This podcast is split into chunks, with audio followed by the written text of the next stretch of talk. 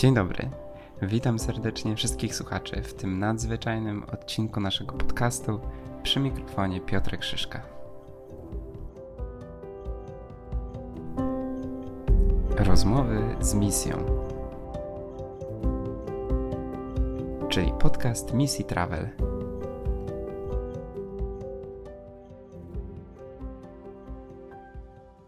Wiem, że to jest na, nadzwyczajny odcinek, pomimo tego, że nie było jeszcze pierwszego.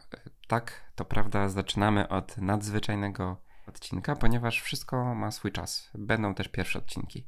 E, ale ten czas teraz jest absolutnie wyjątkowy i wyjątkowy jest również e, nasz gość e, dzisiejszy, który łączy się z nami przez internet, a jest nim ksiądz dr Ryszard Kępiak, salezjanin, biblista, wykładowca Pisma Świętego na papieskim Wydziale Teologicznym we Wrocławiu, jak i we Wrocławskim Wyższym Seminarium Duchownym, Wyższym Seminarium Salwatorianów w Bagnie oraz Seminarium Towarzystwa Salezjańskiego w Krakowie.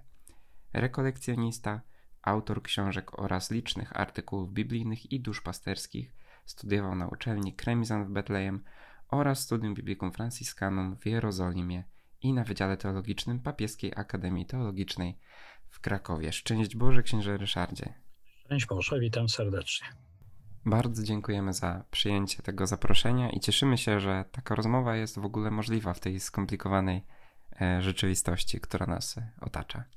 Ta notka biograficzna na początku jest bardzo imponująca, chociaż myślę, że i tak nie jest kompletna. Natomiast z naszej perspektywy misji Travel brakuje też tam jednej bardzo istotnej e, kwestii, to znaczy jest ksiądz również przewodnikiem. Czy jest ksiądz w stanie powiedzieć, ile grup oprowadził ksiądz w swoim życiu?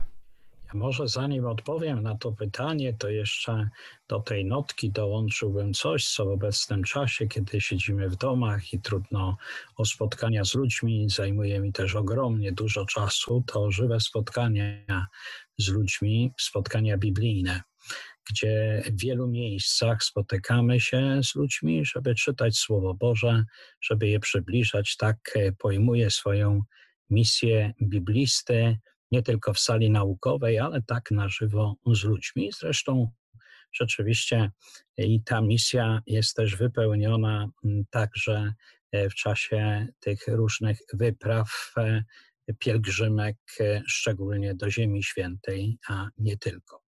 E, pytanie nie jest takie łatwe. Ja wiem, kiedy oficjalnie, bo trudno mówić, jak się z kimś poszło, mu pomóc zobaczyć coś w Ziemi Świętej, bo z racji studiów tam byłem, ale mówię o takim oficjalnym oprowadzeniu grupy, to było to na Boże Narodzenie 1986 roku. Była to grupa z Turynu. Bardzo dobrze ją zapamiętałem. Wiem, jak długo się do tego przygotowywałem, bo po raz pierwszy, a na dodatek jeszcze w języku włoskim, co nie jest to samo, co w języku y, ojczystym. Więc jak sobie to y, policzymy, to tyle, ile lat mam kapłaństwa, bo akurat w 86 roku w czerwcu byłem wyświęcony na kapłana, więc to dosyć łatwo się pamięta, że 34 lata już praktycznie oprowadzam pielgrzymów po Ziemi Świętej. Nie liczę e, tych wszystkich wyjazdów, bo tego było naprawdę mm, bardzo dużo. Liczyłem, kiedy czasy i sytuacja na Bliskim Wschodzie pozwalała na wyjazd do Egiptu i na przygodę z Synajem, to to liczyłem i na Synaj tylko wchodziłem 53 razy. Nie? Ale wiadomo, że w tej chwili już od kilku lat e, do Egiptu się nie udajemy, nie idziemy na Synaj, mimo że to zawsze dla pielgrzymów była wielka, wielka przygoda. Resztę liczy Pan Bóg i myślę, że jak mi kiedyś o tym przypomni, to się do tego przystam.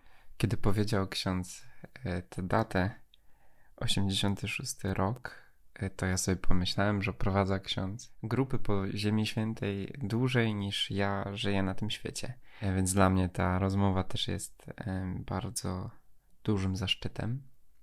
Natomiast chciałem zapytać, jak właściwie się zaczęła księdza historia z oprowadzaniem?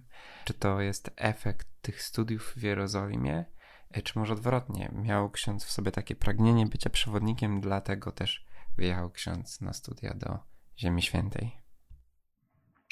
Powiem tak, że mój wyjazd i przygoda z Ziemią Świętą, bo tak traktuję to wydarzenie, które było przez 7 lat, e, to biblijnie też ma jakby swoją wymowę, bo zostałem posłany przez przełożonych na studia teologiczne, aby ostatnie 4 lata przygotowania do kapłaństwa w naszym zgromadzeniu salezjańskim, żeby właśnie to przygotowanie odbywać w okolicach Betlejem w Kremizan. No i to był też czas e, pierwszego zetknięcia z Ziemią Świętą, bardzo dokładnego poznawania Ziemi Świętej. Cztery lata to był czas długi, żeby to uczynić. No i potem, kiedy przyjąłem święcenia kapłańskie, jak już wspomniałem, w 1986 roku, moi przełożeni zdecydowali, zresztą już myślę, ta decyzja musiała być gdzieś wcześniej, bo kazano im w jedne wakacje czy drugie, zgłębiać język hebrajski, bo to się może przydać, no to wiedziałem, że raczej nie do katechetyki czy dla prawa kanonicznego, tylko raczej dla studiów biblijnych. I rzeczywiście e, tak e, zostało to też potem wypełnione, że zaraz po święceniach od początku roku akademickiego w 86 wróciłem do Jerozolimy tym razem, aby w franciszkańskiej szkole biblijnej rozpocząć już taką bardziej precyzyjną, bym powiedział, dokładną, pogłębioną e, przygodę z Biblią, ale tam ta przygoda w Jerozolimie jest o tyle wyjątkowa, że jest to przygoda, e, którą się przeżywa na ziemi, gdzie Biblia powstawała i w miejscach, e, gdzie rozgrywały się wydarzenia, które są opisane w Biblii. I powiem, że absolutnie, na ile mnie pamięć nie myli, E, nie jechałem ani na studia teologiczne, ani na studia biblijne z myślą o przygotowaniu się na przewodnika. Nawet powiem banalne to może, ale to, że już jako student pierwszego roku studiów biblijnych musiałem w cudzysłowie podjąć to zadanie i wyzwanie, to zmusiły mnie warunki ekonomiczne. W cudzysłowie z czegoś trzeba było żyć. Nie? Ale potem zrozumiałem, że bycie przewodnikiem to jest wielka szansa ewangelizacji. Gdy tylko studia w Ziemi Świętej skończyłem, wróciłem do Krakowa, żeby kontynuować też jeszcze studia, ale zaraz zapragnąłem, żeby tym, czym zostałem obdarzony, żeby się dzielić z innymi, a że zaczynały się pierwsze możliwości wyjazdów y, nie tylko kapłanów, ale ludzi świeckich, więc też przyłożyłem rękę do tego dzieła i tak jest do dnia dzisiejszego. Czyli bardzo mocno łączy ksiądz swoją działalność przewodnicką z posługą duszpasterską. Faktycznie, gdyby wędrowanie po Ziemi Świętej nie łączyło się, a to jest oczywiście połączenie, e, którego nie da się jakoś pozbawić e, jadąc tam, E, wydaje mi się, że raczej no, nie widziałbym mojego kapłaństwa w wyjazdach, jakbyśmy to chcieli nazywać, turystycznych, bo myślę, że to nie jest misja kapłana, pewnie pojechać, zobaczyć i tyle. Nie? ale ponieważ jest to rzeczywiście potencjał niesamowity, ludzie zresztą się dzielą, jak przeżywają spotkania z Ziemią Świętą, i dlatego to mnie umacnia i upewnia, że póki Pan Bóg da siłę i póki nogi mnie noszą, że będę chciał również i w tym temacie ludziom służyć. Wspomniał ksiądz, że pierwsza grupa, którą ksiądz oprowadził po Ziemi Świętej, taka formalna, E, to była grupa e, bożonarodzeniowa. Natomiast chciałem zapytać o okres e, ten, w którym teraz jesteśmy i do którego się zbliżamy. Czy był ksiądz w Jerozolimie, w Ziemi Świętej, podczas przeżywania świąt paschalnych? Tak, oczywiście. Najpierw jako kleryk, studiując teologię, po to przeżywaliśmy nasze studia tam w Ziemi Świętej, żeby E, na żywo uczestniczyć w tym, co ta Ziemia Święta dawała pewne możliwości. Stąd, mimo że dbaliśmy w seminarium także o, o liturgię, o przeżywanie świąt, to jednak te wszystkie ważniejsze momenty, szczególnie związane z Wielkim Tygodniem, począwszy od Niedzieli Palmowej poprzez udział w wydarzeniach Triduum Paschalnego, to było coś, co było w programie naszego życia i obecności tam w Ziemi Świętej. Jeszcze bardziej zbliżyłem się do tych wydarzeń i do tych przeżyć nie tylko w samym okresie Wielkiego Tygodnia, ale w całym Wielkim Poście, bo jest taka tradycja tam,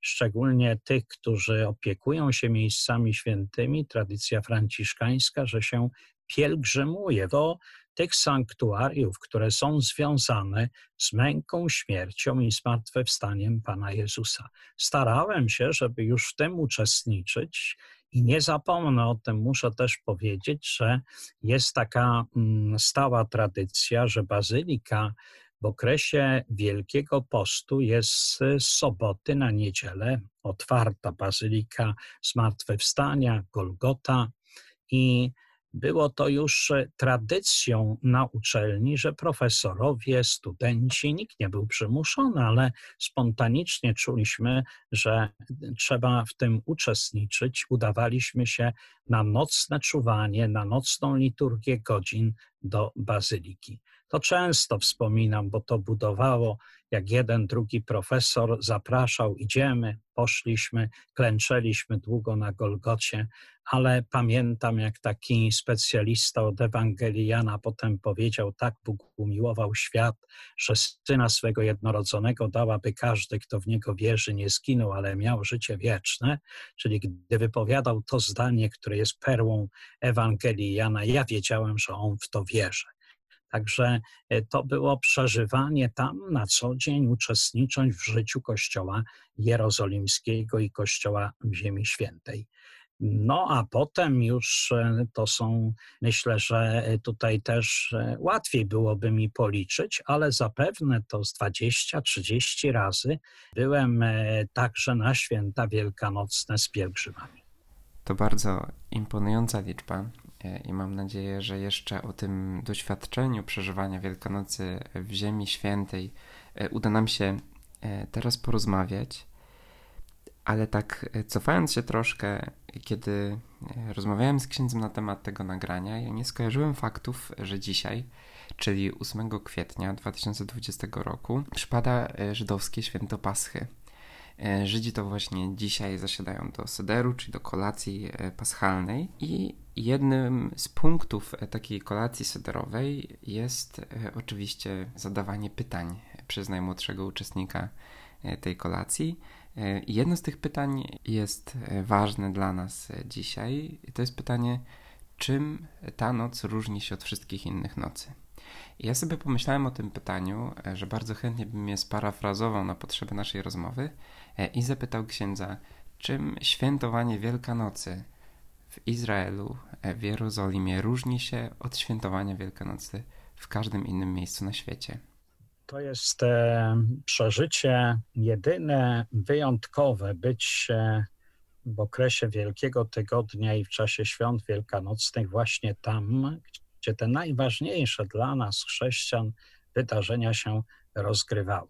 Mam to całkowicie na świeżo. Zresztą miałem w tym roku, gdyby nie ta sytuacja, też tam być z pielgrzymami. E, mieliśmy już wyjechać krótko przed niedzielą palmową, żeby właśnie od niedzieli palmowej wziąć udział w tym wszystkim, e, co niesie ta niesamowicie bogata liturgia Wielkiego Tygodnia i sama uroczystość zmartwychwstania Pana Jezusa. Ja mam na świeżo to, co przeżywałem z pielgrzymami rok temu. Tutaj zostało wspomniane, że dzisiaj e, Paska żydowska. Myśmy w zeszłym roku mieli jeszcze głębsze przeżycie, bo powtórzyło się coś, co miało miejsce w czasach Pana Jezusa. Mianowicie, że akurat kiedy my świętowaliśmy Wielką Sobotę, to było święto żydowskie, rok temu Pascha. I taka sytuacja sama była e, wtedy, kiedy e, w piątek umierał na drzewie krzyża Pan Jezus, to e, wieczorem zaczynała się Paska. I wiemy, że kiedy taka sytuacja jest, to wtedy szabat nazywa się szabat gadol, czyli szabat wielki. I w zeszłym roku mieliśmy dokładnie taką sytuację. Między innymi tutaj tylko wspomnę, że to pomaga nam dzisiaj prawie mm, jednogłośnie przyjmować, że Pan Jezus umarł w piątek 7 kwietnia 30 roku, bo chodzi o ten Szabat Gadol, kiedy on wtedy w tamtych czasach e, przypadał. Także e, przeżywać te wydarzenia, co więcej, no, samo pielgrzymowanie po Ziemi Świętej to jest pielgrzymowanie z Ewangelią w dłoniach, z Pismem Świętym. No i co więcej, to też zawsze jest jakimś zaskoczeniem, często y, czymś, co otwiera oczy pielgrzymom, że nagle patrzą, jak precyzyjna jest Ewangelia chociażby już tak tradycyjnie, jak zawsze są zaskoczeni z tą Golgotą. Nie? U nas tak się to wbiło w naszą mentalność wstępowanie na górę, Golgotę, góra, Golgota. Jaka góra? Nie ma mowy w Piśmie Świętym, w Ewangeliach o wejściu na żadną górę. Wziął krzyż i poszedł na miejsce czaszki jakie to są wszystko detale, ale jak one odzwierciedlają realizm tego, co się tam wtedy właśnie wydarzyło. I dlatego, jeśli my dzisiaj mówimy o aktualności, o takiej współczesności Ewangelii, My też e, nie mamy w naszym poczuciu przeżywania świąt, podobnie jak Żydzi, że my powspominamy, jak to było, nie? bo miło jest powspominać. Nie, my przeżywamy na nowo. Zikaron hebrajskie, pamiątka, to jest przede wszystkim włączyć się na nowo.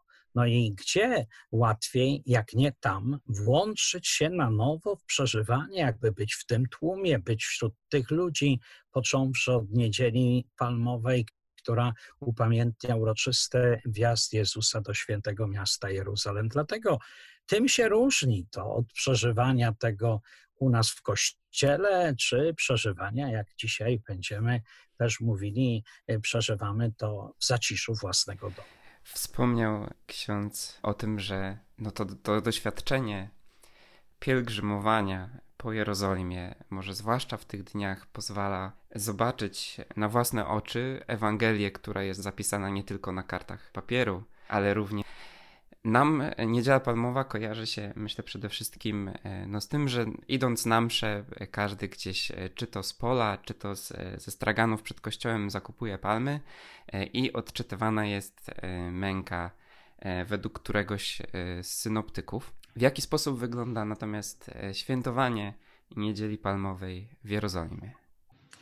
Jakoś na miastkę myślę, że tego mm, przeżycia na nowo samego wjazdu Jezusa do Jerozolimy mamy w tym, że e, przed procesją, która normalnie towarzyszy mm, obchodom Niedzieli Palmowej w naszych kościołach, no w tym roku tego nie było, ale tak to normalnie czytamy jeszcze, oprócz tego, że potem w czasie liturgii Eucharystii czytamy pasję oczywiście według e, różnych e, e, ewangelistów, którzy są naszymi duchowymi przewodnikami w danym roku, w tym roku Mateusz Ewangelista. Ale czytamy właśnie Ewangelię o tym uroczystym wieście. To jest super komentarz do miejsca, które jest związane z Niedzielą Palmową i z obchodami tej niedzieli palmowej w Ziemi Świętej, a mianowicie z miejscem Betwage i tutaj też, gdy zbliżali się do Jerozolem,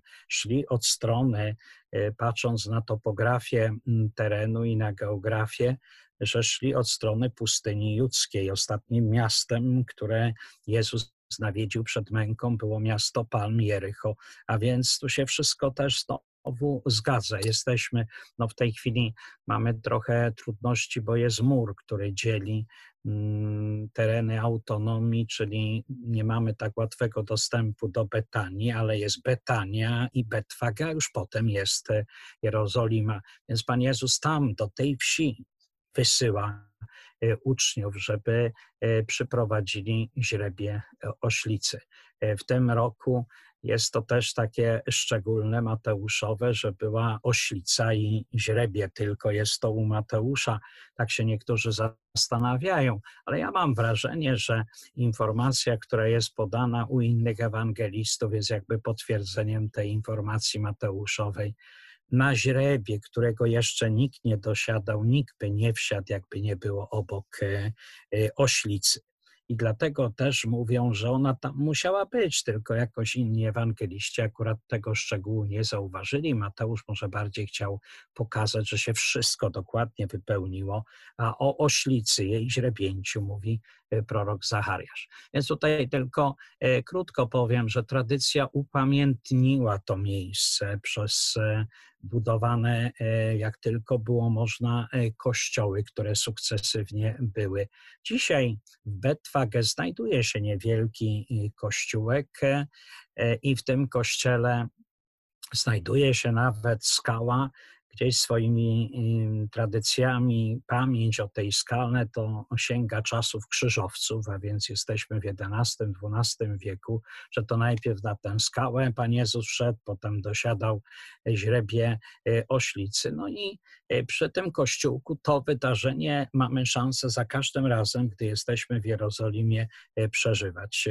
Mm, a w niedzielę palmową bardzo wcześnie gromadzą się tam tłumy. Też jest tam w kościele odprawiana msza, e, ale kościółek jest malutki, dlatego też e, raczej gromadzą się pielgrzymi w godzinach popołudniowych, wczesnych popołudniowych, żeby wziąć udział w procesji.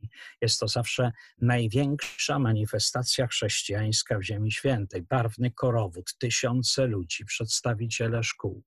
E, no, wiemy, że w tym roku, bo sytuacja, mm, która e, zaistniała, też sparaliżowała to wydarzenie całkowicie i jedynie odbyło się błogosławieństwo relikwiami Krzyża Świętego z miejsca, gdzie Pan Jezus e, według tradycji miał zapłakać nad Jerozolimą, że nie rozpoznała czasu odwiedzin Boga.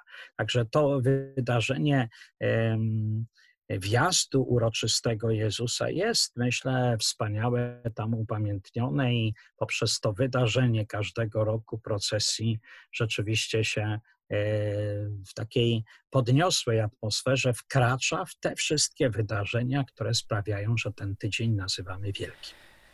E, I z niedzieli palmowej, e, kiedy procesja wkracza do, do Jerozolimy, kilka dni później w Jerozolimie chociaż aktualnie również poza murami miejskimi, znajduje się wieczernik, czyli można powiedzieć e, Wielki Czwartek. My w wielu krajach na świecie e, mamy e, liturgię, mamy mszę świętą Wieczerzy Pańskiej, podczas której dziękujemy w sposób szczególny za dar kapłaństwa i Eucharystii. A w jaki sposób wygląda to w tym miejscu, w którym te wydarzenia miały miejsce? Bo przecież wieczernik wciąż można odnaleźć na mapie Jerozolimy i tam się udać.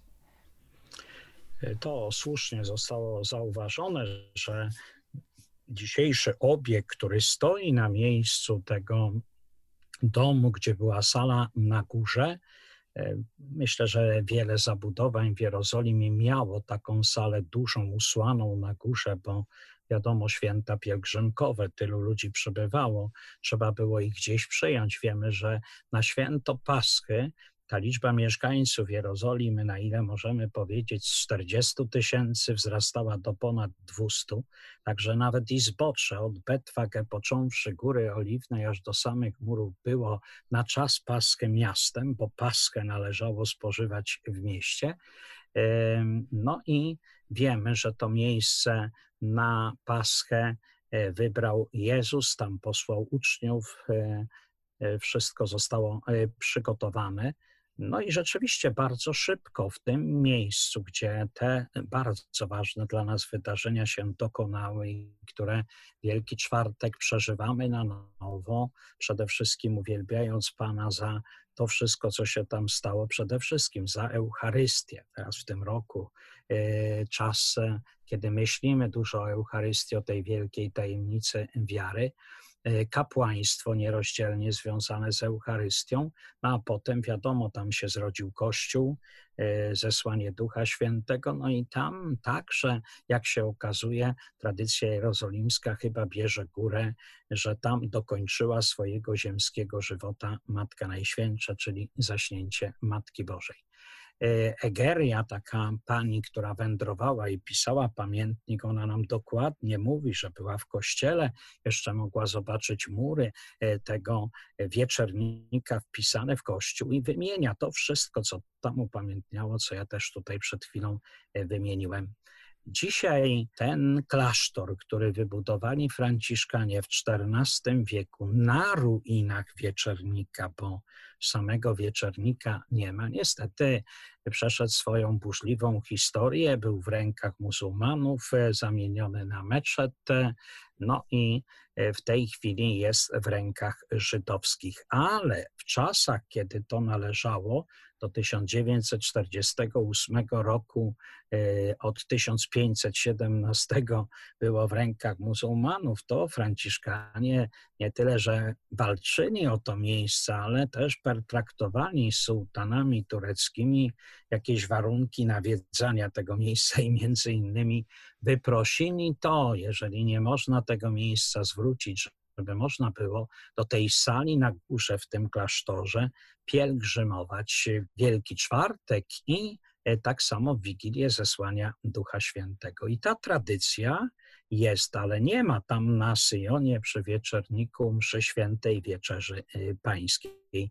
Taka msza, ze względu na to, że takie są rygory tak zwanego prawa status quo, jest sprawowana w Bazylice Zmartwychwstania w godzinach y, porannych y, przez patriarchę, biskupa Jerozolimy, natomiast potem w godzinach popołudniowych jest ta tradycyjna procesja, ale nie msza święta, tylko procesja, liturgia upamiętniająca te wydarzenia właśnie w sali na górze tego klasztoru franciszkańskiego, który stoi na miejscu wieczernika. Czyli rano jest liturgia wieczerzy, msza święta w Bazylice Grobu, procesja do wieczernika, E, natomiast kiedy u nas w kościołach kończy się msza wieczerzy pańskiej, e, monstrancja zanoszona jest przez celebransa do tak zwanej ciemnicy. Ma to symbolizować oczywiście ten fragment historii, kiedy Jezus udał się po spożyciu wieczerzy z apostołami za potok Cedron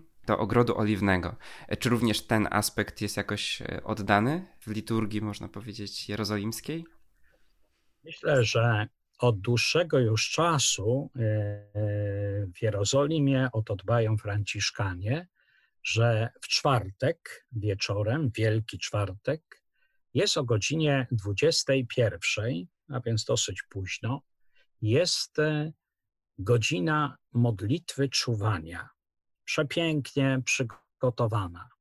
Takim momentem, który jest bardzo wzruszającym, jest kiedy, bo przewodniczy całej liturgii kustosz Ziemi Świętej, Franciszkanin, e, i on z koszykiem takim dosyć dużym wychodzi i rozsypuje płatki e, czerwonych róż na tą skałę która wiadomo była skałą modlitwy Pana Jezusa, żeby potem na koniec ceremonii, na koniec tych modlitw, czytania tekstów biblijnych, które nas przybliżają do tych chwil, które tam miały miejsce, każdy chce zabrać jakiś jeden z tych płatków ze sobą. No i potem już może nie wszyscy uczestnicy tej modlitwy, bo tutaj naprawdę są tłumy.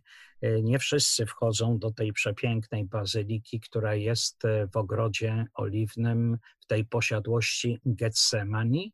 Wielu stoi na zewnątrz, ale potem jest taka propozycja, żeby w procesji przejść, tak jak Jezusa prowadzono po pojmaniu w ogrójcu do domu Kajfasza.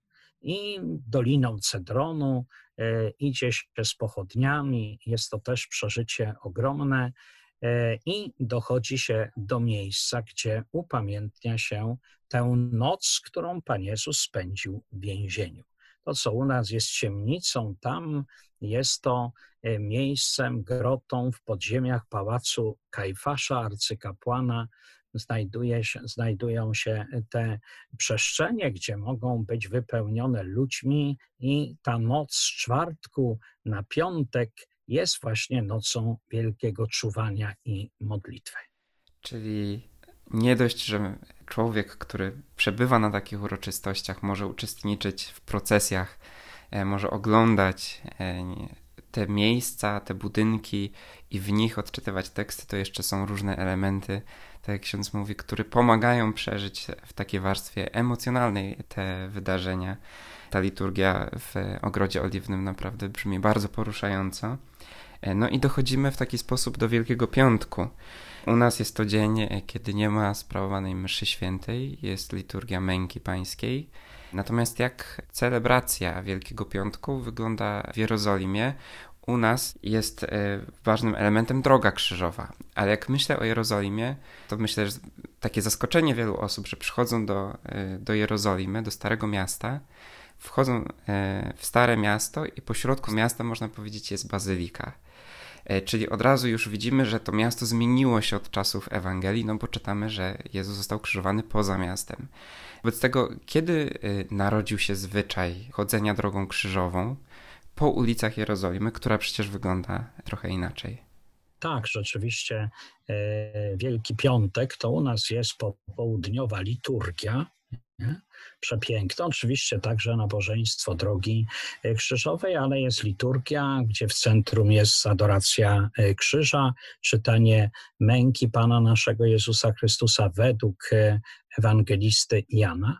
Tutaj cała liturgia odbywa się przy zamkniętych drzwiach, czyli jest odpowiedni moment. Zresztą tutaj w Wielkim Tygodniu to ten, który zamyka i otwiera bazylikę muzułmanin, napracuje się sporo, bo musi w określonych momentach otwierać, zamykać się, ale kiedy wejdą ci, którzy mogą wejść na tą liturgię, kto się zmieści, kto przyszedł, to odbywa się ta liturgia Wielkiego Piątku e, e, przed południem.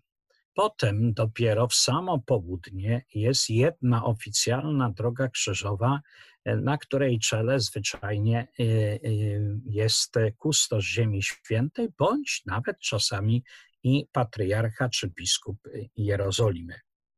I tutaj no, powiem tylko tyle, że to jest przeżycie wtedy bardzo trudne, dlatego że zwyczajnie są tłumy ludzi i trudno e, zdobyć się na jakieś większe skupienie, dlatego przynajmniej my, Polacy, ten Wielki Piątek rozpoczynamy zazwyczaj bardzo wcześnie rano. Tak było rok temu, że dołączyliśmy do innej grupy, tych, którzy tam na stałe są, do sióstr naszych elżbietanek polskich, do rektora misji polskiej, który tam jest i byliśmy już o piątej rano na ulicach Jerozolimy, żeby tę drogę odprawić. Jeśli natomiast chodzi o nabożeństwo drogi krzyżowej, to może zaskoczę niektórych, bo powiem, że ono się zrodziło nie w Ziemi Świętej. Chociaż mamy świadectwa pielgrzymów, tych, którzy notowali, gdzieś tam nieliczne takie świadectwa przetrwały, że oni odprawiali drogę w cudzysłowie krzyżową, ale nie nabożeństwo do 14 stacji drogi krzyżowej, tylko szli, żeby naśladować Chrystusa niosącego krzyż. I ku naszemu zaskoczeniu akurat nie szli z tej strony, jak my dzisiaj chodzimy, tylko szli wychodząc od pałacu Heroda, czyli dzisiaj byśmy powiedzieli od bramy jawskiej. No bo jest wielki znak zapytania, gdzie Pan Jezus był skazany na śmierć. I dlatego też ja chcę podkreślić, że nabożeństwo do 14 stacji zrodziło się w Europie. Nie jestem tu aż tak bardzo wtajemniczony, czy to zrodziło się tak jak żłóbek w środowisku franciszkańskim, ale staje się, że tak. I dlatego też jak Franciszkanie w XIV wieku przybyli do Ziemi Świętej, to to nabożeństwo z Europy przywieźli także do Ziemi Świętej. No ale przecież to, o czym my rozważamy w czasie drogi krzyżowej, dokonało się nie gdzie indziej, ale na ulicach Jerozolimy, tylko na innych ulicach, nie na tych ulicach. Dzisiaj ten układ uliczek Starego Miasta, którymi my idziemy, tą uliczką która nazywa się Via Dolorosa, Droga Boleści. To jest układ z czasów tureckich, a więc jesteśmy w XVI wieku. I dlatego też trzeba pamiętać, że jak oni przybyli, Tutaj też daty będziemy mieli różne podawane, ale najprawdopodobniej pod koniec XVI, w XVII wieku dopiero ustalono na stałe, że będziemy wychodzili z tego miejsca i tak pójdziemy i wyznaczono 14 stacji zgodnie z nabożeństwem, które powstało w Europie, bo przecież wiemy, że nie do wszystkich stacji mamy podstawy biblijne. Ale jak ustalono, że będziemy zaczynać drogę krzyżową e, na miejscu dawnej twierdzy Antonia, i tak pójdziemy, no to nieprzerwanie, poza jakimiś małymi wyjątkami, ten zwyczaj celebrowania drogi krzyżowej w każdy piątek pielęgnują e, Franciszkanie, a szczególnie ten moment jest podkreślony także Wielki Piątek. No i nawet jeśli się czasami komuś nie uda, że tak powiem, wcisnąć w ten wielki tłum oficjalnej drogi krzyżowej, to grupy próbują albo nawet pojedynczo pielgrzymi chcą przejść w ten Wielki Piątek drogą, która, na której chcemy przeżywać kroczenie za Jezusem dźwigającym krzyż. Niezależnie abstrahując już od tego, czy Pan Jezus przebył dokładnie, czy idziemy dokładnie tymi śladami, czy nie, bo jak powiedziałem tutaj, szereg spraw pozostaje pod znakiem zapytania. Jedno jest pewne, że Golgota jest miejscem autentycznym i że grób Pana Jezusa jest miejscem autentycznym. Czyli trochę tak jak powiedział też ksiądz e, w przypadku wieczernika, że to nie jest takie wspominanie puste i tylko emocjonalne, ale bardziej jest teologicznym wejściem w te wydarzenia, niezależnie od tego, czy to była ta ulica, czy ta, czy wszystko wyglądało inaczej. E, no dobrze, czyli widzimy, że ta chronologia jest e, troszeczkę inna niż u nas. U nas zazwyczaj e, duże drogi krzyżowe ulicami miasta odbywają się przed liturgią. W Jerozolimie jest odwrotnie, liturgia jest rano, potem droga krzyżowa. W takim razie co się dzieje wieczorem? Czy wieczorem również jest coś, co angażuje w jakiś sposób pielgrzymów? Myślę, że tutaj trzeba powiedzieć o wydarzeniu, bo tak bym to określił, bo to jest e, rzeczywiście celebracja wyjątkowa, pielęgnowana bardzo przez Franciszkanów. Jak tylko Franciszkanie znaleźli się e, po przybyciu do Ziemi Świętej oficjalnie w XIV wieku, e, potem szybko znaleźli się też w obrębie bazyliki zmartwychwstania Golgoty, więc Franciszkanie pielęgnują celebrację pogrzebu e, Pana Jezusa. Więc e, ceremonia, która zaczyna się o godzinie 19, e, trwa prawie dwie godziny. Mm, wszystko odbywa się, czy zaczyna się na Golgocie, jest specjalny krzyż, są wyjmowane gwoździe, zdejmowana korona cierniowa, Jezus składany do płótna, na kamieniu namaszczenia, który jest w bazylice zaraz przy wejściu, jest też namaszczany, złożony do grobu. Temu towarzyszy czytanie tekstów biblijnych, e, e, śpiewy. Jest to animowane przez e, chór klerycki, franciszkański. Liturgia przepięknie przygotowana, z tym, że dla pielgrzymów, chyba że ktoś ma takie szczęście, nie jeden raz mi się udało, że gdzieś tam mnie e, że tak powiem, wcześniej wprowadzono na Golgotę, mogłem porobić nawet przepiękne zdjęcia ceremonii, których się nigdzie indziej nie spotyka, jak w Jerozolimie. Także jest to e, zwyczaj. E, wiem, że wielką radością przyjęli udział w tym wydarzeniu pielgrzymi w zeszłym roku, tym bardziej, że też niektórym w cudzysłowie udało się załapać, że byli w tym momencie na Golgocie, a po raz pierwszy widzieli, celebrowali taką liturgię, której gdzie indziej, jak powiedziałem, nie zobaczymy.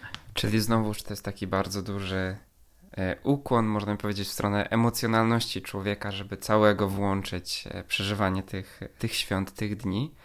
E, no ale kiedy piątek się e, kończy, piątek wieczór właściwie e, tak w mentalności żydowskiej, to już jest szabat. E, szabat to jest oczywiście cisza, to jest nierobienie niekoniecznych rzeczy. Ten szabat w Jerozolimie jest niesamowity, zwłaszcza w tych dzielnicach ortodoksyjnych, ale nie tylko, przecież cała Jerozolima nagle zastyga w bezruchu, wszystko jest zamknięte. U nas jest święconka. U nas przed południem idziemy jednak do kościoła poświęcić potrawy, które znajdą się na stole wielkanocnym. A w jaki sposób przeżywa ten szabat Kościół w Jerozolimie?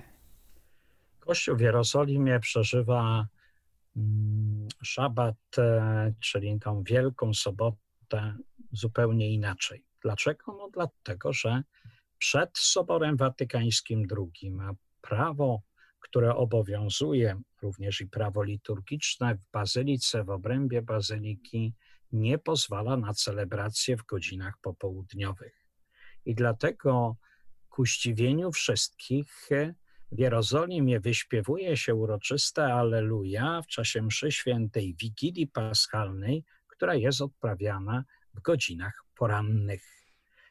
Także całość tej długiej dosyć liturgii Wigilii Paschalnej bo też znowu prawo status quo daje e, na przykład na taką liturgię trzy godziny czasu, trzeba dokładnie w tym czasie się zmieścić. Skrócić też nie wolno, bo na przyszły rok byłoby tyle krócej, ile się w tym roku skróciło. I dlatego jak jest trzy godziny, to trzy godziny. Ale po tych trzech godzinach, no już wszyscy sobie przekazują życzenia. Chrystus zmartwychwstał, prawdziwie zmartwychwstał. No, a takiego zwyczaju, jaki my mamy u nas w Polsce, że się święci pokarmy, takiego tam zwyczaju nie ma. Ten zwyczaj jest pielęgnowany, wiadomo, w naszych e, domach polskich, gdzie są e, Polacy. E, to zwyczajnie przed rozpoczęciem śniadania wielkanocnego święci się także pokarmy wielką radością i niespodzianką, którą mogłem sprawić e, pielgrzymom w zeszłym roku, dzięki uprzejmości sióstr Starego Domu Polskiego, czyli domu, który jest położony jakby w cieniu Bazyliki Zmartwychwstania, Zaprosiłem ich na niespodziankę, ale wcześniej siostry zapytały księże, czy tak na smutnego, czy już wesołego Aleluja. No przecież będziemy już po Aleluja, no to na Aleluja. Więc mieliśmy takie, że tak powiem, spóźnione e, śniadanie, ale wielkanocne z typowymi pokarmami, jakie u nas spożywamy w ramach śniadania e, wielkanocnego. Także było też przy tym dużo radości. Także nie ma tej liturgii Wielkiej Soboty, jak u nas późnym wieczorem czy w nocy. Ale za to trzeba powiedzieć, że e, od tej liturgii, która kończy się gdzieś koło godziny 11.30, koło południa, od tej liturgii do wieczora i przez całą noc e, soboty na niedzielę bazylika jest otwarta. I to jest coś przepięknego znowu dla pielgrzymów, dla ludzi, którzy tam są, że mogą być. E, tak zrobiliśmy gdzieś tam wcześniej, zjedliśmy kolację i potem kto ile chciał, ile mógł, Jakie to szczęście, pamiętam i, i mimo, że nie pierwsze, ale jaka radość, że mogłem powiedzieć, ja wszedłem ty dzisiaj, jak ci się udało, temu się nie udało, temu się nie udało, a mi się udało, że wszedłem do grobu, do pustego grobu, żeby jakby jeszcze raz na nowo przekonać się, zobaczyć, uwierzyć głębiej, że Chrystus zmartwychwstał. E, a więc ta cała noc jest taką możliwością czuwania wokół pustego e, grobu. No i potem też tak jak e, u nas, e, jak to dawniej też było, w tej chwili bardziej akcentujemy u nas późną Wigilię Paschalną, zakończoną procesją rezurekcyjną. Natomiast e, tutaj, mimo że się już odbyła procesja wewnątrz Bazyliki Rezurekcyjna na zakończenie liturgii Wielkiej Soboty, to też jest msza rezurekcyjna przy grobie Pana Jezusa w niedzielę rano i, i, i tak samo e, jako pielgrzymi mieliśmy możliwość udziału w tej Eucharystii. To faktycznie, to myślę, że może być największym zdziwieniem chyba Wielkiego Tygodnia, że rezurekcję, tą tę liturgię, która u nas jest wieczorem, tutaj jest przesunięte na ranek, czyli jest tak naprawdę więcej czasu na świętowanie. Natomiast zostaje niedziela. Powiedział ksiądz o y, tej procesji i mszy rezurekcyjnej, która jest w niedzielę rano. A czy w ciągu dnia w niedzielę zmartwychwstania jeszcze coś się dzieje? W ciągu dnia praktycznie nic już więcej się specjalnego nie dzieje, poza tym, że jeżeli ktoś, powiem brzydko, nie załapał się na tą mszę świętą e, i do koncelebry, mówię też o kapłanach, e, która była sprawowana, bo też są bilety, no wiadomo, są pewne ograniczenia, miejsca, a więc grupy sobie wynajmują wtedy w kaplicy Najświętszego Sakramentu, w, kaplicy Krzyżowców, bo tam można i w godzinach popołudniowych, ale ogólnie no, każdy chciałby być w ten dzień, jeżeli tym bardziej niektórzy mieszkali gdzieś daleko, nie, nie w samej Jerozolimie, no to wiadomo, że chciałby trochę czasu tam spędzić w cieniu pustego grobu, jakby pogłębić swoją wiarę i spotkanie ze zmartwychwstałym. Ale więcej zostawia się tutaj takiego czasu na świętowanie. Pamiętam, że my w zeszłym roku mając dużo czasu w nocy, biorąc udział w tej Eucharystii, jeszcze temat pojechaliśmy pogłębić do Betanii, mm, bo tam wiadomo, że jakby był przedsmak wskrzeszając Łazarza, ja jestem zmartwychwstaniem i życiem. Tam też sprawowaliśmy sobie jeszcze po polsku, wiadomo, taką Eucharystię o zmartwychwstaniu i potem pojechaliśmy, żeby tak e, troszkę rekreacyjnie, świątecznie pobyć i taki powiem, że był też nawet obiadek świąteczny zamówiony nad brzegiem Morza e, Martwego, tak żeby odczuć też przy stole ten klimat świętowania, jak to zazwyczaj mamy w naszych domach rodzinnych. I potem kąpiel w Morzu Martwym, rozumiem. Oczywiście i po prostu po tych wszystkich ceremoniach, e, po tych czuwaniach nocnych, żeby było trochę takiego relaksu, a jakiś też e, program, tym bardziej, że to już był, że tak powiem, jakby ostatni pełny dzień, bo następnego dnia, warto może też jeszcze o tym wspomnieć, no jest poniedziałek wielkanocny, a w Ziemi Świętej ten poniedziałek wielkanocny to jest święto Emaus.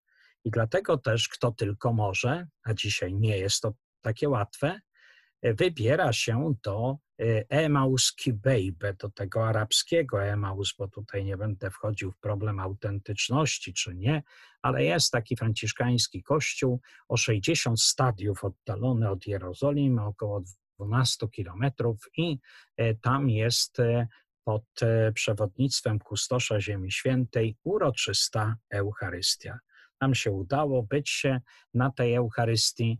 No i też każdy z radością czekał, żeby złapać na końcu bułeczkę, bo są błogosławione e, chlebki, bułeczki, bo tam rozpoznano Jezusa zmartwychwstałego przy łamaniu chleba. Ludzie dostali po bułeczce i praktycznie musieli szybko wsiadać do autokaru, bo już trzeba było na lotnisko, żeby potem wracać do ojczyzny. Ale to wydarzenie, spotkania jeszcze w Emaus ze zmartwychwstałym jakby dopełniało całych przeżyć i znowu nie tylko nawiedzenie kolejnego miejsca, nie tylko, ale przede wszystkim duchowe przeżycie i to zrozumienie, że zmartwychwstały Pan towarzyszy nam na naszych drogach życia, jakiekolwiek by one były. On dołącza, on idzie z nami. Pięknie w tekście jest powiedziane, że szedł w rytmie i kroków, on nikt nie wyprzedzał, nie? E, tylko szedł, przysłuchiwał się, mogli się śmiało wypowiedzieć, on oświetlał im wszystko Słowem Bożym, nie? zasiadał z nimi do stołu, łamał chleb, Eucharystię, więc to e, takie przeżycie jakby było kropeczką na i. Czyli apostołowie mieli wrócić do Galilei, Polacy mają wrócić do Polski i tam spotkać zmartwychwstałego. No i tutaj e, myślę, że zbliżamy się do końca naszej rozmowy i do takiej konkluzji, która właśnie może by poszła w tym kierunku. E, to znaczy, chyba nie rozmawialiśmy po to, żeby E, znęcać się nad samymi sobą, tak jak wspomniał ksiądz, e, przecież ksiądz teraz też miał być w Ziemi Świętej, ani nad słuchaczami, którzy pewnie podobnie tak jak my, wszyscy jesteśmy w domach e, i nie możemy nawet uczestniczyć w liturgii. W jaki sposób przeżyć te święta? Ponieważ teraz nawet nie dość, że nie mamy możliwości pojechania do Jerozolimy, przeżyć tych świąt, ale nawet nie możemy pójść na liturgię w jaki sposób urzeczywistnić te wydarzenia, w jaki sposób je przeżyć w tych nadzwyczajnych okolicznościach, z jakimi przyszło nam się mierzyć w tym roku. Myślę, że trzeba mm, w tym momencie z jednej strony podziękować Panu Bogu za to, że mamy e, takie media i możliwości dzisiaj, że w jakiś sposób e, docieramy do ludzi i jak się okazuje, wcale nie do małej ilości ludzi, poprzez mszę świętą transmitowaną z różnych miejsc, poprzez e, tyle y, jest różnych zapowiedzi, celebracji całego Triduum Paschalnego, które, które będą prezentowane nawet i w tym czasie przygotowania jeszcze jakby rekolekcje ostatniej szansy tu i tam można, więc e, że tak powiem, słowo, treści związane z przeżyciami Wielkiego Tygodnia, one docierają. Jak ktoś jest otwarty i pragnie w jakimś głębszym wymiarze te dni przeżyć, to na pewno to wszystko mu e, pomaga. Ale muszę powiedzieć, że na pewno nie jest to łatwe. I sam uważam się za wielkiego szczęściarza jako kapłan, no bo będę w grupie kapłanów, którzy będą sprawować Eucharystię, będę spożywał, bo jeżeli Jezus nie chciał zostać tylko duchowo, to chyba wiedział, że to jest różnica przyjąć go sakramentalnie do swojego serca, a, a nie tylko duchowo. Ale w tej chwili, jak nie mamy innej możliwości, przyjmiemy go e, duchowo. Możemy duchowo w wielu sprawach uczestniczyć. I ja myślę, że ta nasza rozmowa, wiadomo, że nie miała gdzieś tam powiedzieć, no tak, fajnie gadać, jak my w domu zamknięci, ale ja tak myślę, że ona może mm, powinna nam pomóc, żeby e, zamknięci trochę w murach własnego domu czy mieszkania, żeby mm, gdzieś naszymi myślami, szczególnie kto już pielgrzymował, może też dzięki misja Travel e, do Ziemi Świętej, to właśnie uruchomić wyobraźnię, nie? żeby tam się też duchowo przenieść, no bo ostatecznie o to chodzi przeżywaniu, żeby to nie było tylko powspominać święta i po świętach, tylko żeby przeżyć, żeby nas to dotknęło. I jeśli ta nasza rozmowa mm, spełniła taki cel, czyli pomogła nam wyobraźnią wrócić do miejsc, gdzie byliśmy, gdzie dotykaliśmy, gdzie czciliśmy te miejsca w czasie naszego pobytu, to chwała Panu. I ja myślę, że to nie był czas stracony. Również mam taką nadzieję i duchowo postaramy się przenieść e, wszyscy e, do Jerozolimy na te dni Triduum Paschalnego, a potem przeniesiemy się do naszej Galilei, do naszego domu, gdzie również e, każdego dnia przecież mamy możliwość spotykania się ze zmartwychwstałym. Bardzo dziękuję za, za tę rozmowę. E, i mam nadzieję, że to nie jest e, ostatnia nasza rozmowa, e, ponieważ tematów, na które można porozmawiać w kontekście Ziemi Świętej, pielgrzymowania do tego niezwykłego miejsca jest bardzo dużo. I oczywiście koniecznie trzeba zakończyć tę naszą rozmowę, bo przecież tradycyjnie wraz ze świętami łączą się nasze życzenia i pamięć o tych, których kochamy, z którymi żyjemy na co dzień. Może teraz się zderzamy bardziej z bliska, kiedy siedzimy razem w domu. I dlatego też e, myślę, że trzeba by wraz z tymi świętami też e, e, próbować, żeby w nas coś więcej zmartwychwstało, nie?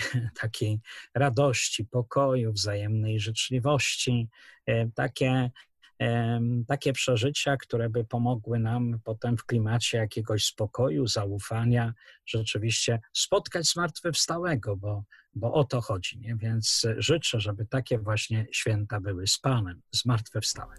Bardzo dziękujemy. Dziękuję. Do usłyszenia z Panem Bogiem. Bogiem.